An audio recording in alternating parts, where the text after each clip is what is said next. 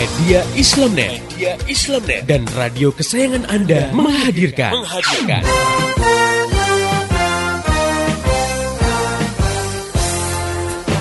Voice of Islam. Voice of Islam. Voice of Islam. Bagaimana tidak nyaman misalnya ya kalau diterapkan hukum cambuk bagi peminum khamar sementara negara tidak menerapkan mekanisme yang melarang khamar masuk ke suatu wilayah Iya. dan diperjualbelikan. Artinya masih ada orang yang berjualan khamar dan akhirnya ada juga yang beli, akhirnya ada juga yang minum. juga Padahal yang- kalau minum dicambuk. Nah, Dicambuk. ini kan juga semacam dilema juga ya. Iya. Atau misalnya diterapkan hukum cambuk bagi yang melakukan pergaulan bebas. Nah, sementara negara sendiri tidak menghambat arus masuk pornografi dan porno aksi di suatu negeri.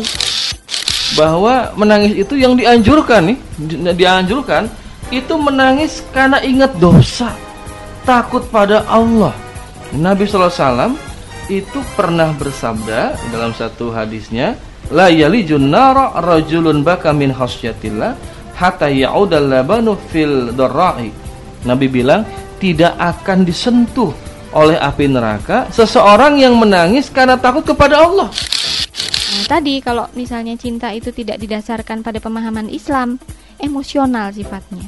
Ya kan? Iya, iya. Lagi disayang-sayang sama suami, dikasih hadiah banyak, beliin pakaian baru, Sayang. dibelanjain banyak, sayang. Sayang. Nah, begitu suami di PHK, nganggur satu tahun nggak dapat kerja, ini udah mulai mengikis.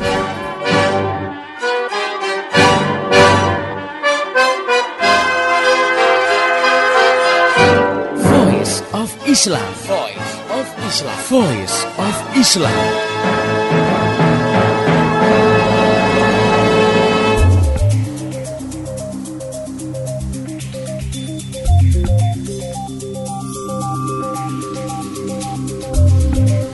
Indonesia, Assalamualaikum warahmatullahi wabarakatuh. Jumpa dengan saya Laili Triana dalam program Voice of Islam. Kerja bareng Media Islamnet dengan radio kesayangan kamu ini. Dan selama 30 menit ke depan Voice of Islam akan mengisi ruang dengar kamu dalam rubrik Cewek Only Rubrik ini adalah rubrik yang akan membahas permasalahan seputar masalah remaja. Jadi buat kamu yang ngerasa cewek dan masih remaja, jangan lewatkan obrolan kita kali ini. Saya tidak sendirian, di sini telah hadir untuk mengasuh rubrik ini yaitu Mbak Asri Supatmiati. Beliau adalah penulis buku-buku remaja. Baik, kita sapa dulu beliau. Assalamualaikum, Mbak. Waalaikumsalam warahmatullahi wabarakatuh. Bagaimana kabarnya hari ini? Alhamdulillah baik sekali. Ya, Alhamdulillah. Baik sobat muda sekalian, cewek only kali ini akan hadir dalam topik cewek matre. Benarkah? Benar nggak kira-kira?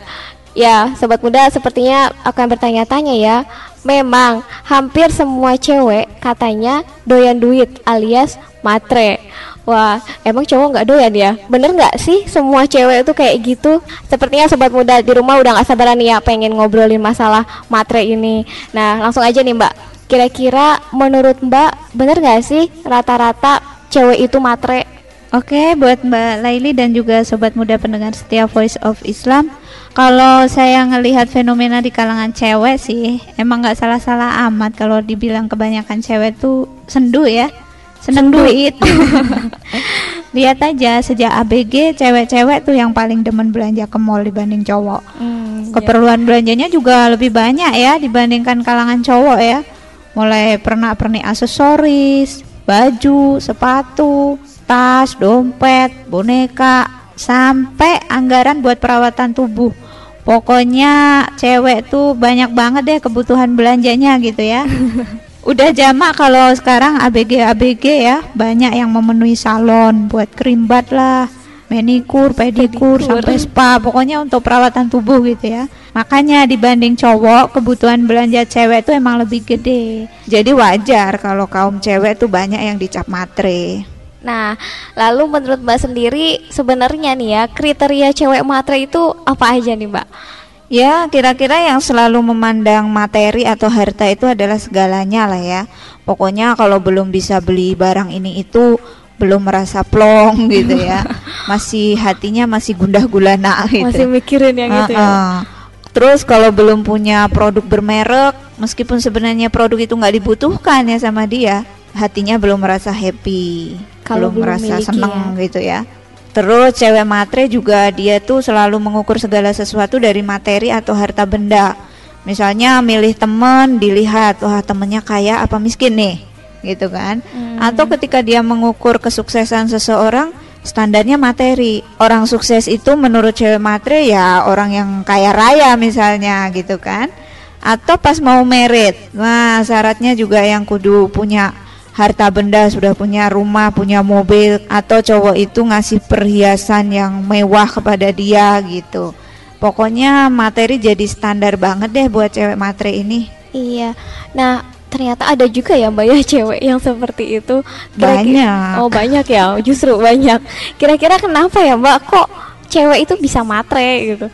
Penyebabnya sebenarnya cuma satu sih, karena pola pikirnya mungkin udah teracuni gaya hidup barat kali ya. Oh, iya. Gaya hidup sekulerisme yaitu pemisahan agama dari kehidupan. Soalnya dalam ideologi ini yang namanya kebahagiaan tuh diukurnya dari materi. Jadi artinya semakin banyak mereka punya materi atau benda-benda fisik ya, makin banyak duit, punya rumah mewah, punya mobil mewah, maka menurut mereka itulah ukuran kebahagiaan. Mereka merasa paling bahagia kalau sudah terpenuhi semua kebutuhan fisiknya gitu kan. Ideologi ini juga mengajarkan gaya hidup atau lifestyle yang selalu mengikuti perkembangan zaman. Menurut mereka, kepribadian seseorang itu hanya diukur dari penampilan fisik. Nah, untuk menunjang penampilan fisik yang oke inilah kemudian dirancang berbagai produk, termasuk produk-produk yang diperuntukkan buat para cewek. Makanya, cewek yang nggak mau ketinggalan zaman, otomatis kudu sedia anggaran banyak untuk menunjang penampilan fisiknya tadi. Misalnya buat ganti model rambut, Iya. buat beli sepatu, buat, Buat beli baju, ah, buat beli baju dan sebagainya. Contohnya untuk perawatan rambut aja ya, begitu terlihat nggak rapi dikit atau poninya udah nutupin mata dikit, udah pasti harus segera lari ke salon gitu kan. Nah, buat potong rambut ini kan tentu ada biayanya ya, minimal mungkin 10.000 ribu kali ya. Terus belum lagi buat kerimbatnya, belum lagi buat yang keriting dan pengen diluruskan, ya rebonding ya. Iya. Harus sedia minimal 50 ribuan kali ya. Terus tambah lagi kalau pengen memutihkan tubuh, ya memutihkan kulit wajah atau bleaching atau buat cewek-cewek yang pada ketombean. Wah, udah pasti butuh anggaran nih buat beli produk-produk penghilang ketombe. Jadi ribet banget deh pokoknya urusan cewek itu ya. Terus itu baru urusan rambut ya, belum urusan Urusan- kulit buat Wah, ngilangin iya. jerawat ya, ngilangin komedo, flek hitam ya. Semuanya kudu beli produk-produk kosmetik atau obat-obatan yang bisa efektif menghilangkan semua masalah kulit itu gitu kan. Akhirnya ya mau nggak mau mereka jadi konsumtif gitu ya. Apalagi urusan baju. Buat orang-orang yang materialistis tadi, kostum itu mesti beda-beda di setiap kesempatan gitu kan. Mau renang bajunya ada sendiri, harganya juga bisa ratusan ribu gitu kan. Mau pesta atau dugem ya nggak lucu dong kalau pakai baju sekolah gitu kan. Mau shopping, jalan-jalan, semuanya itu harus pakai baju yang beda-beda. Jadinya kan anggaran untuk membeli baju juga tinggi gitu kan. Hmm, iya. Belum lagi buat beli sendal, buat sepatu, dompet dan lain-lain tadi. Pokoknya semuanya kudu matching gitu kan.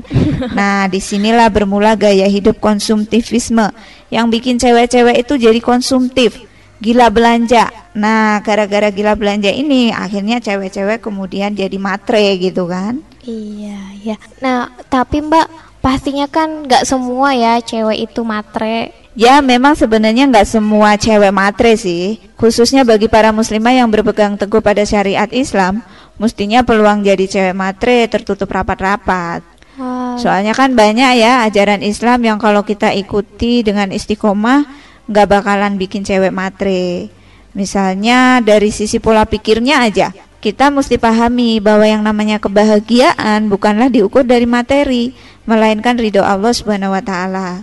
Artinya memiliki harta benda itu bukanlah ukuran kebahagiaan seseorang gitu ya. Nggak jaminan kok orang kaya itu pasti bahagia gitu kan. iya. Jadi buat apa banyak harta dan banyak duit tapi di sisi lain dia nggak sholat misalnya atau dia cewek nggak mau nutup aurat nggak pakai jilbab, tapi malah duitnya buat beli baju-baju yang membuka aurat. Nah, itu kan nggak sesuai dengan ridho Allah ya. Mungkin di dunia dia merasa bahagia karena dengan memakai baju-baju kayak gitu jadi perhatian manusia gitu ya. Hmm, Tapi iya. kan di mata Allah nggak ada nilainya. Jadi matre enggaknya cewek sebetulnya tergantung pola pikirnya tadi. Apakah dia menggunakan pola pikir Islam sebagai standar perbuatannya atau pola pikir sekuleris yang menjadikan kebahagiaan diukur dari materi. Ya itu tadi kita eh, sudah membahas tentang kriteria cewek matre, terus juga ternyata nggak semuanya loh cewek itu matre gitu ya, tergantung dari pemahaman dia bagaimana memandang sebuah kebahagiaan itu ya Mbak ya. Lalu bagaimana hukumnya kalau misalkan kita ya memang tertarik ingin memiliki sebuah harta gitu ya, terus juga gimana ya eh, kalau seorang muslimah itu ternyata ya tergoda juga dengan gaya hidup yang ada sekarang ini. Nah, kita akan bahas semuanya itu setelah kita mendengarkan selingan yang satu ini. Tetap setia di Voice of Islam. Assalamualaikum. Batu Nurul Ayo kita sambut bersama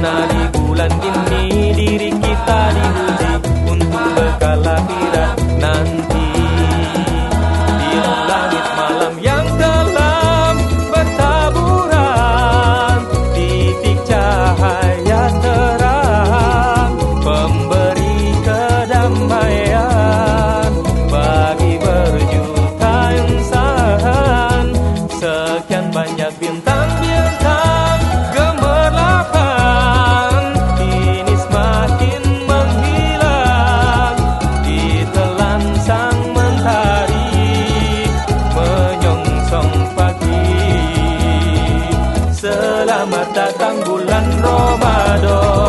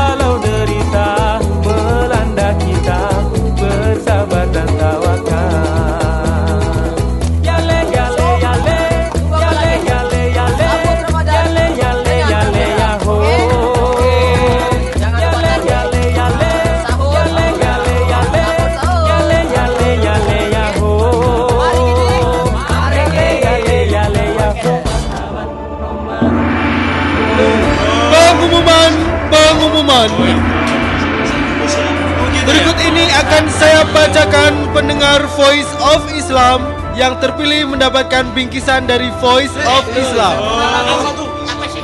Dengarkan.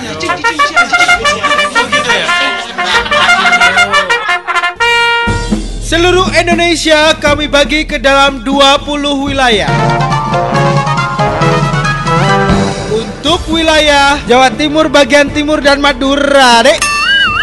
Yang terpilih adalah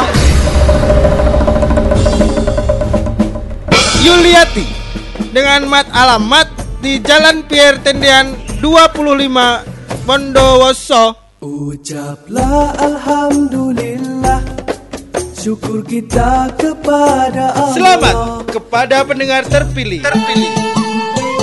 Bingkisan untuk Anda silakan diambil di radio di mana Anda biasanya mendengarkan Voice of Islam. Voice of Islam. Untuk wilayah yang lain, besok, besok, besok. Masih Anda ikuti Voice of Islam. Persembahan media Islamnet dan radio kesayangan Anda ini. Voice of Islam. Voice of Islam. Voice of Islam.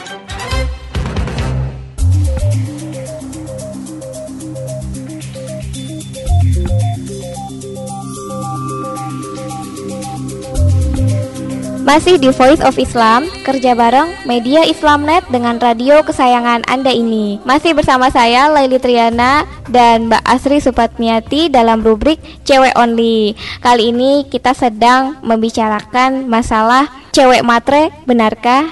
Ya, langsung saja kita lanjutkan bincang-bincang kita tadi. Ini Mbak, tadi itu kan sudah dibicarakan bahwa eh, namanya materi itu kan bukan menjadi standar kebahagiaan ya.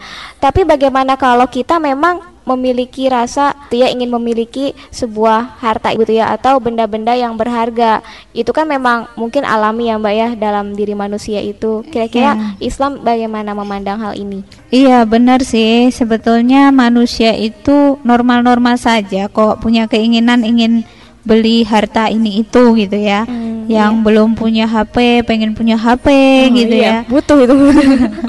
Apalagi sekarang ya. Iya. eh, hari gini nggak punya HP gitu kan.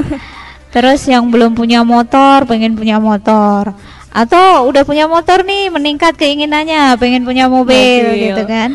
Yang tadinya ngontrak rumah juga ah pengennya punya rumah sendiri dong gitu kan nah sebetulnya keinginan manusia untuk memiliki harta ini normal dan bahkan wajar gitu ya ini se ini bagian dari fitrah manusia kok karena apa? Karena Allah Subhanahu wa taala menciptakan manusia itu beserta sebuah potensi hidup yang namanya gorizah bako alias naluri mempertahankan diri.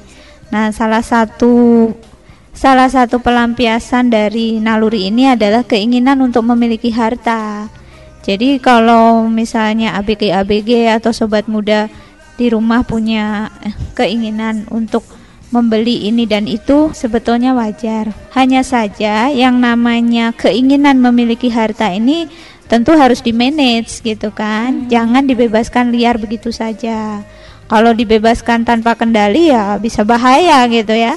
Sebab yang namanya manusia itu keinginannya itu hampir nggak ada batasnya gitu kan. iya, bener-bener Kalau diturutin terus ya sampai kapan pun nggak bakalan ada ujungnya gitu kan. Makanya sobat muda kudu bisa membedakan mana nih yang namanya keinginan dan mana yang namanya kebutuhan. Wah, iya, Beda loh Mbak Laili dan juga sobat muda pendengar setia Voice of Islam. Yang namanya keinginan itu nggak ada batasnya pada manusia. Kalau yang namanya keinginan itu kan nggak wajib untuk dipenuhi Iya. karena ya keinginan manusia itu nggak ada batasnya. Dan yang namanya keinginan itu belum tentu dibutuhkan. Oh, Tetapi iya. sebaliknya, kalau yang namanya kebutuhan, itu udah pasti wajib untuk dipenuhi. Misalnya tadi ya, misalnya kalau yang namanya kebutuhan itu ya, contohnya gini, orang yang lapar, ya kebutuhannya apa sih? Ya Makan. makan gitu kan. Makanannya apa? Ya standarnya orang Indonesia apa sih? Paling nasi, Nasi. sayur asem sama tempe gitu ya. Sambel. Nah, sambel gitu ya.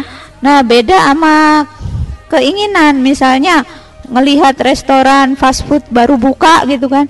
Ih, pengen nyicipin ih ada donat merek baru loh misalnya. Padahal sebetulnya perut lagi nggak lapar tuh. Nah, itu namanya keinginan. Jadi mesti dibedakan dong antara kebutuhan dan keinginan. Contoh lain sobat muda yang belum punya handphone karena dia aktivitasnya banyak, maka dia butuh handphone. Nah, yang namanya kebutuhan itu berapa sih belinya? Paling kan satu kan? yang Iya. dipakai nah itu namanya kebutuhan jadi boleh-boleh saja buat remaja yang belum punya handphone kemudian beli handphone gitu kan Iya. nah beda dengan keinginan udah punya satu HP wah muncul lagi nih merek baru, baru. gitu kan merek baru atau dengan teknologi yang baru ada 3G-nya gitu kan nah terus dia beli lagi yang baru itu Nah, terus dia pengen banget gitu kan beli yang baru itu. Nah, sebetulnya itu keinginan, bukannya kebutuhan. Nah, ini jelas tidak harus dipenuhi kan kalau yang Iya, namanya iya. keinginan. Nah, makanya kalau cewek-cewek disebut matre itu ya mungkin karena kebanyakan mereka itu Banyak senantiasa senantiasa berusaha memuaskan keinginannya itu gitu. iya. Sementara sebetulnya dari sisi kebutuhan nggak dibutuhkan gitu. Iya. Nah, itu udah jelas ya, Mbak ya. Cuma kan masalahnya sekarang itu kadang ya memang kita nggak butuh nih. Cuma seperti Mbak bilang tadi gitu, ada lihat aja di TV iklan HP baru gitu ya. Terus juga ada iklan makanan baru gitu ya. Nah, eh, nggak pengen tapi kita jadi tergoda nih Mbak. Rasanya wah ngebayangin kayaknya kalau punya HP yang kayak gitu keren deh, enak gitu ya. Bisa ini, bisa itu, bisa nonton Pengaruh terpengaruh lingkungan juga iklan. ya. Iya, lingkungan juga ling- gitu. iklan. Apalagi misalnya teman-teman juga wow, Pergaulan, teman-teman iya, udah banget. pada punya HP yang lebih canggih gitu. Masa kita masih yang kayak gini-gini aja gitu. Nah, itu kan berarti ada lari luar ya godaan gitu. Nah, kira-kira gimana nih Mbak caranya supaya tidak gampang tergoda? Iya, memang benar banget ya. Godaan gaya hidup materialisme itu mengepung dari mana-mana gitu ya. Kita sebagai muslimah kalau nggak istiqomah ya bisa-bisa juga ikut larut gitu ya dalam gaya hidup matre tadi.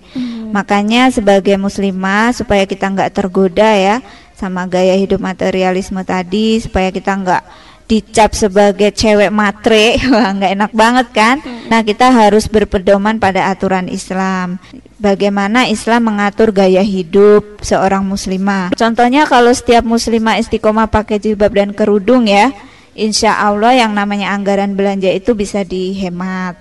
Soalnya kenapa? Kan untuk urusan rambut nggak terlalu ribet ya. Iya. Soalnya rambut kan ditutupin. Bukan berarti kita mentang-mentang rambut ditutup nggak dirapiin ya, nggak dikeramas enggak sih. Cuman kan beda sama yang rambutnya kelihatan ya. Mereka mesti ke salon untuk potong rambut model terbaru gitu kan. Tapi kalau muslimah kan ya model mah nggak harus terbaru kan. Yang penting kan nggak ketombean gitu ya, nggak kutuan gitu aja kan. Jadi anggaran buat perawatan rambut insya Allah bisa dihemat. Terus untuk urusan kulit juga sama. Insya Allah muslimah yang menutup auratnya risiko untuk terjadinya kerusakan kulit karena efek matahari misalnya juga lebih kecil gitu kan. Jadi buat anggaran buat perawatan kulit bisa dihemat. Makanya sebagai seorang muslimah mestinya nggak perlu jadi cewek matre gitu kan. Iya. Apalagi untuk keperluan kosmetik ya, parfum, pernak-pernik rambut juga nggak perlu. Ikat pinggang buat apa gitu ya. Terus perhiasan-perhiasan seperti kalung, anting, cincin nggak bakalan masuk daftar belanjaan para muslimah kan? Iya. Karena toh itu hanya aksesoris-aksesoris yang justru kalau dipakai jangan-jangan para muslimah bisa-bisa malah tabaruj gitu ya. Hmm, benar, Artinya menampakkan kecantikannya di muka umum gitu kan. Makanya cewek muslimah yang istiqomah dengan aturan Islam sebetulnya dijamin gak bakalan matre deh gitu ya. iya. Apalagi kalau mereka yakin bahwa gaya hidup yang serba dilihat dari penampilan fisik atau pandangan yang memandang bahwa kebahagiaan itu adalah materi itu nggak selaras dengan nilai-nilai Islam. Jadi sebagai muslimah itu bisa dibilang lebih tenang ya Mbak ya, nggak kegoda sama yang nggak harus beli ini, beli itu gitu ya, pernak-pernik ini apa gitu ya, karena ya karena lebih minimal lah gitu ya, eh, nggak nggak perlu dikejar-kejar tuntutan buat konsumtif gitu ya Mbak. Iya betul banget.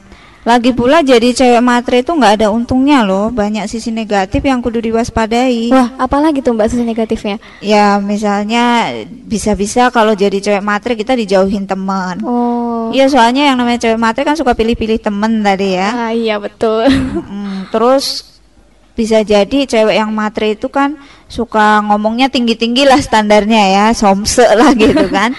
jadi bikin sebel atau mungkin iri temennya gitu kan.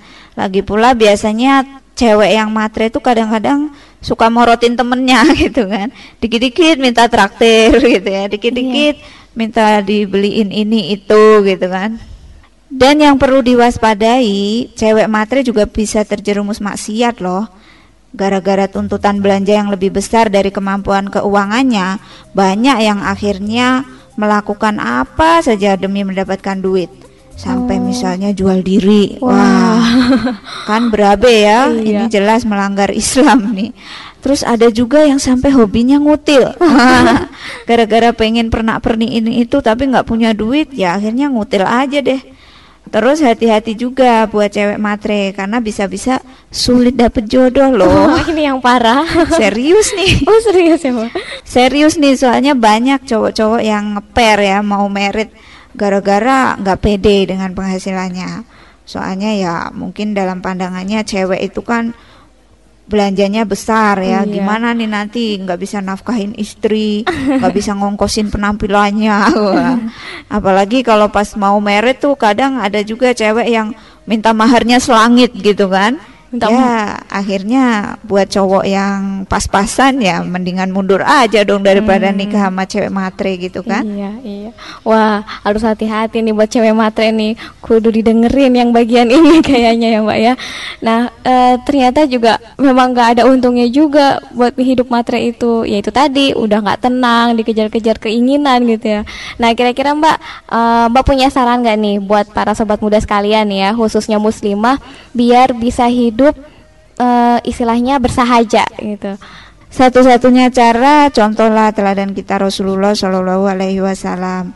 Ya memang sih Rasul tuh nggak melarang kok kita menikmati materi bahkan bahkan sangat menghargai hambanya yang kaya tapi tentunya kaya tapi soleh gitu ya Iya. buat muslimah ya nggak apa-apa punya harta ini itu tapi yang penting soleha gitu seperti misalnya sahabat Rasul ya ada loh yang kaya raya namanya Abdurrahman bin Auf wah kekayaannya itu ya kalau dijejer-jejer nih orang yang berdiri di barisan kekayaannya paling depan nggak bakalan bisa ngelihat barisan kekayaannya yang ada di ujung paling belakang Wah, bayangin ya. Iya. mungkin ini ya kalau istilah sekarang mah konglomeratnya zaman Rasulullah gitu ya Iya. artinya hartanya tuh tujuh turunan mungkin nggak bakal habis deh tapi tentunya beliau nggak membelanjakannya sekadar untuk memenuhi kebutuhan barang mewah ya. Seperti buat beli wah mobil mewah gitu ya. Ya zaman Belum ada Rasul mobil. nggak ada ya. Eh, unta mewah mungkin ya. Atau baju-baju mewah gitu kan. Sama sekali enggak malah beliau itu justru menghambur-hamburkan hartanya itu untuk infak dan sedekah di jalan Allah jadi sebetulnya Islam nggak melarang orang buat memiliki harta. Ya Islam juga nggak menganjurkan orang buat miskin kok gitu ya. Tapi yang penting harta itu diperoleh dengan halal dan juga dibelanjakan dengan cara yang halal pula. Jadi meskipun banyak duit bukan dihambur-hamburkan sekedar buat pesta-pesta misalnya naktir temen di restoran-restoran yang mahal gitu ya atau beli pernak-pernik bermerek yang harganya selangit yang sebetulnya kalaupun udah dibeli nggak begitu bermanfaat gitu ya. Kalau dibelanjakan buat kebutuhan yang emang diperlukan sih sebetulnya oke-oke aja. Misalnya punya duit buat beli jilbab, beli tas, beli sepatu atau keperluan sekolah ya. Lagi pula kita mesti ingat, toh ketika kita mati nanti, yang namanya harta itu nggak bakalan kita bawa kok. Jangan sampai deh kita mengejar-ngejar materi melulu gitu ya, sampai kita melabrak yang namanya halal dan haram.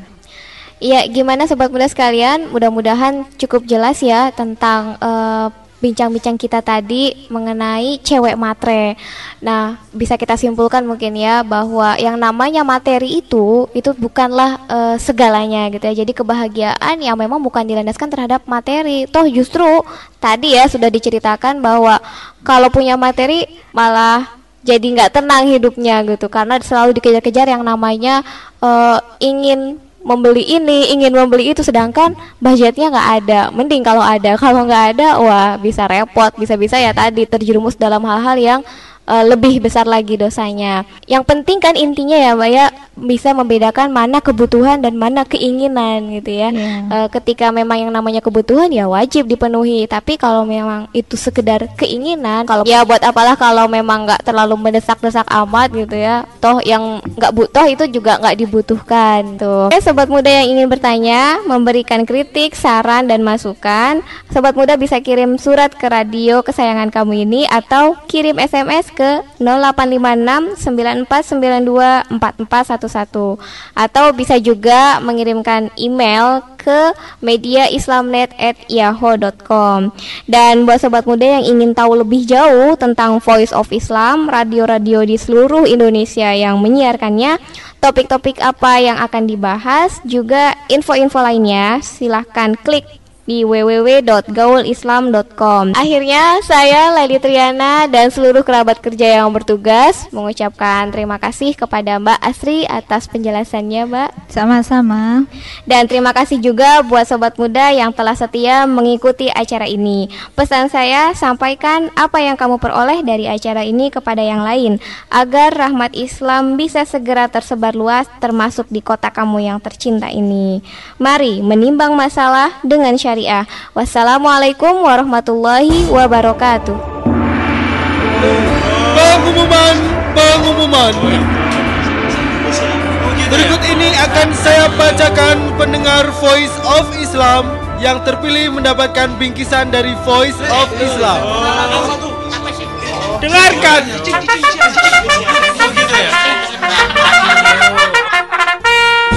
Seluruh Indonesia kami bagi ke dalam 20 wilayah. Untuk wilayah Jawa Timur bagian timur dan Madura, Dek. Yang terpilih adalah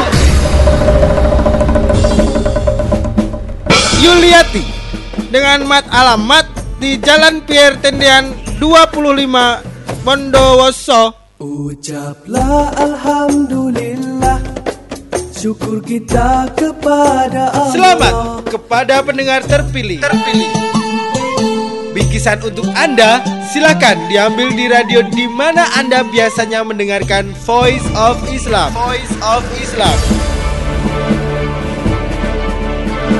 Untuk wilayah yang lain, besok, besok, besok. Demikian tadi Voice of Islam. Voice of Islam. Semoga hikmah yang terkandung bermanfaat untuk kita semua. Amin amin amin ya robbal alamin.